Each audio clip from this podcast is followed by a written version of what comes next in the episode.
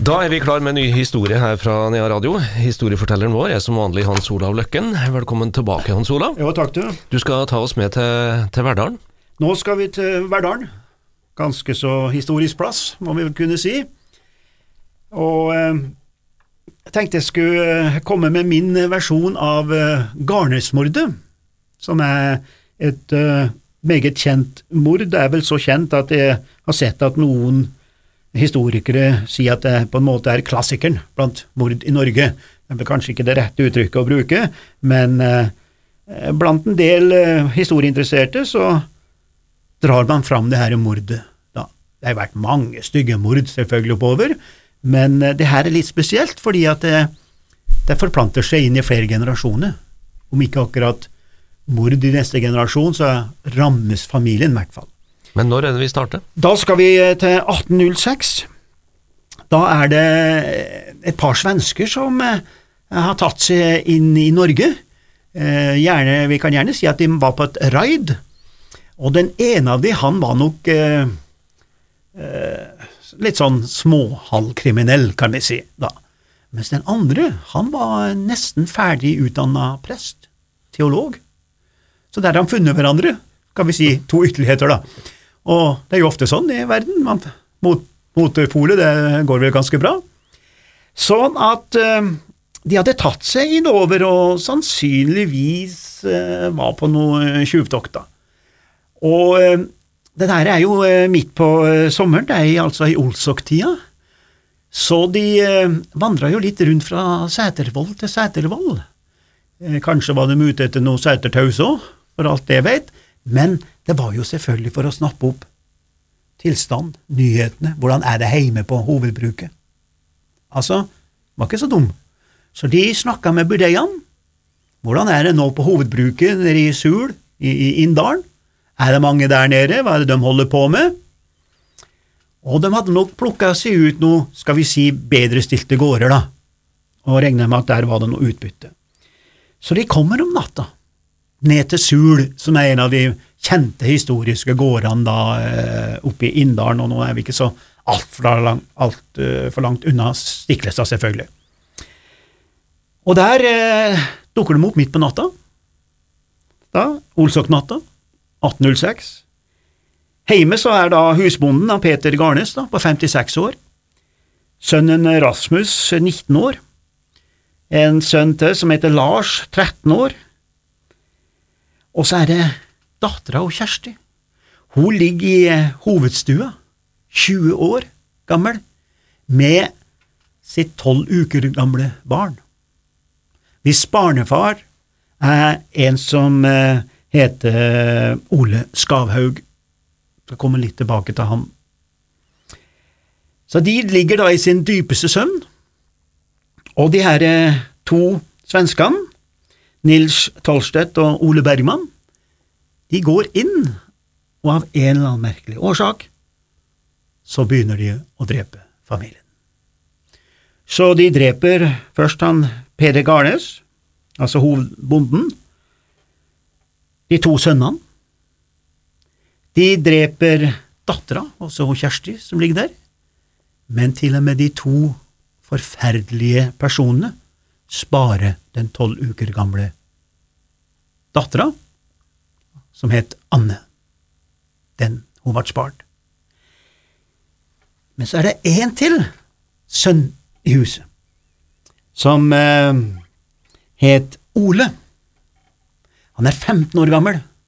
Han vakner vel til, og tradisjonsfortellingen vil ha det til at han klarte å skjule seg bak en peis eller en plass der. Så han berga jo livet, da, og oppdager jo det her er helt forferdelig. Men på loftet i bryggerhuset, altså nabohuset til våningshuset, der er det ei 13 år gammel tjenestejente.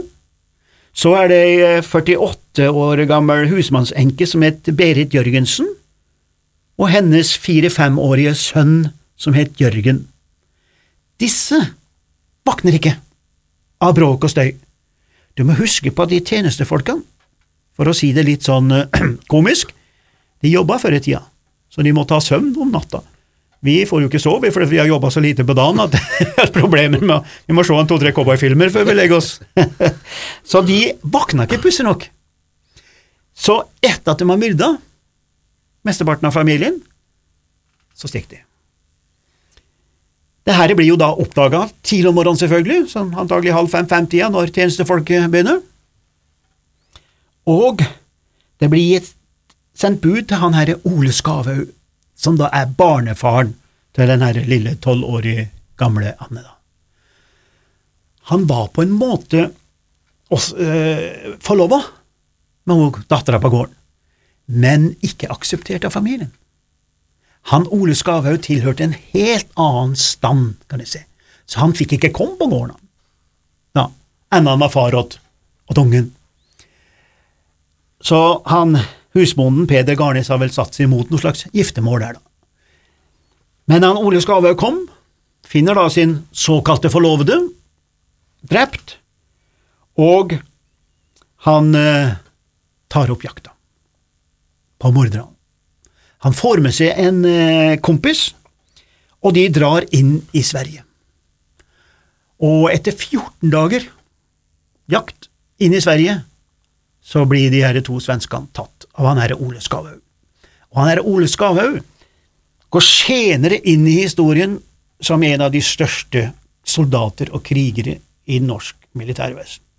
Han var altså med i kampen mot svenskene i 1808 og framover der, og var en kolossal soldat og utmerkelser og ble veldig kjent, og han redda livet på andre soldater, og de har fått den virkelig opp i hverdagshistorie og sånn, da.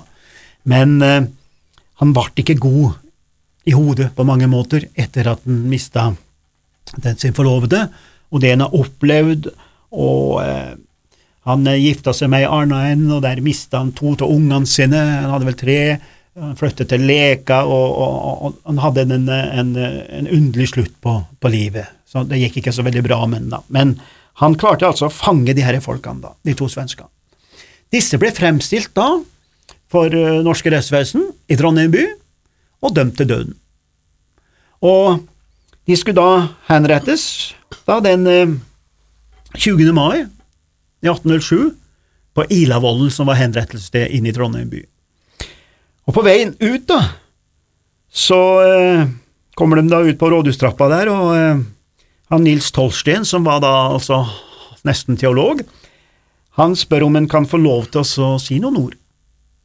Så tar han fram en lapp, og så holdt han en tale som var så god at knapt noen annen prest som kunne holdt en sånn tale, og den gjorde så inntrykk på tilhørerne, på folk der, at eh, talen ble uh, på en måte mangfoldiggjort, og solgt til inntekt for Vår Frue Sogns fattige friskole. Ja, fra en morder. Det er jo litt spesielt på mange måter. Men den ble jo henretta, da. Så kan man tro at historien er ferdig, men det er liksom nå det kommer det som da gjør at Garnesmordet på mange måter blir, blir kjent. da. Fordi at dette her skjer i 1806. Han Ole på 15 år går altså fri, ikke sant?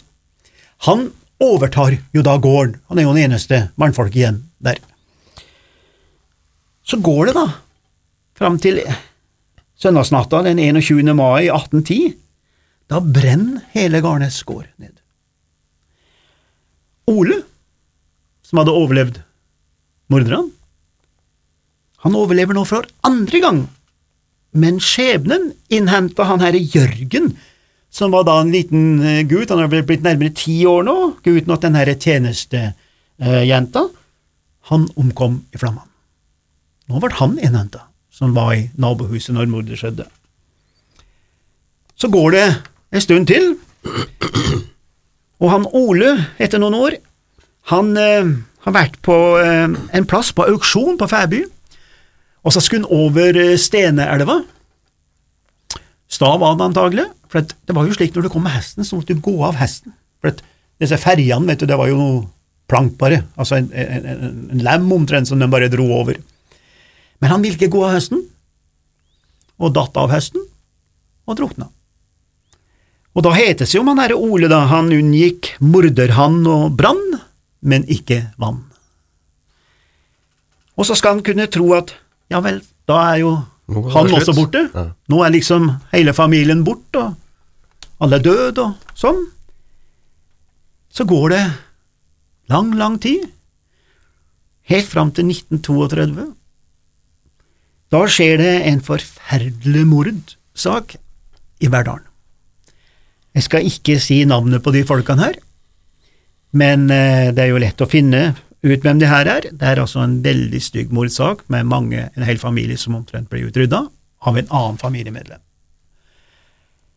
Det som er pussig med den saken her, er at den eneste som overlevde i det huset, i den mordsaken, det var ei som var direkte Hun var tjenestejente da, på gården, tjenestekjerring på gården.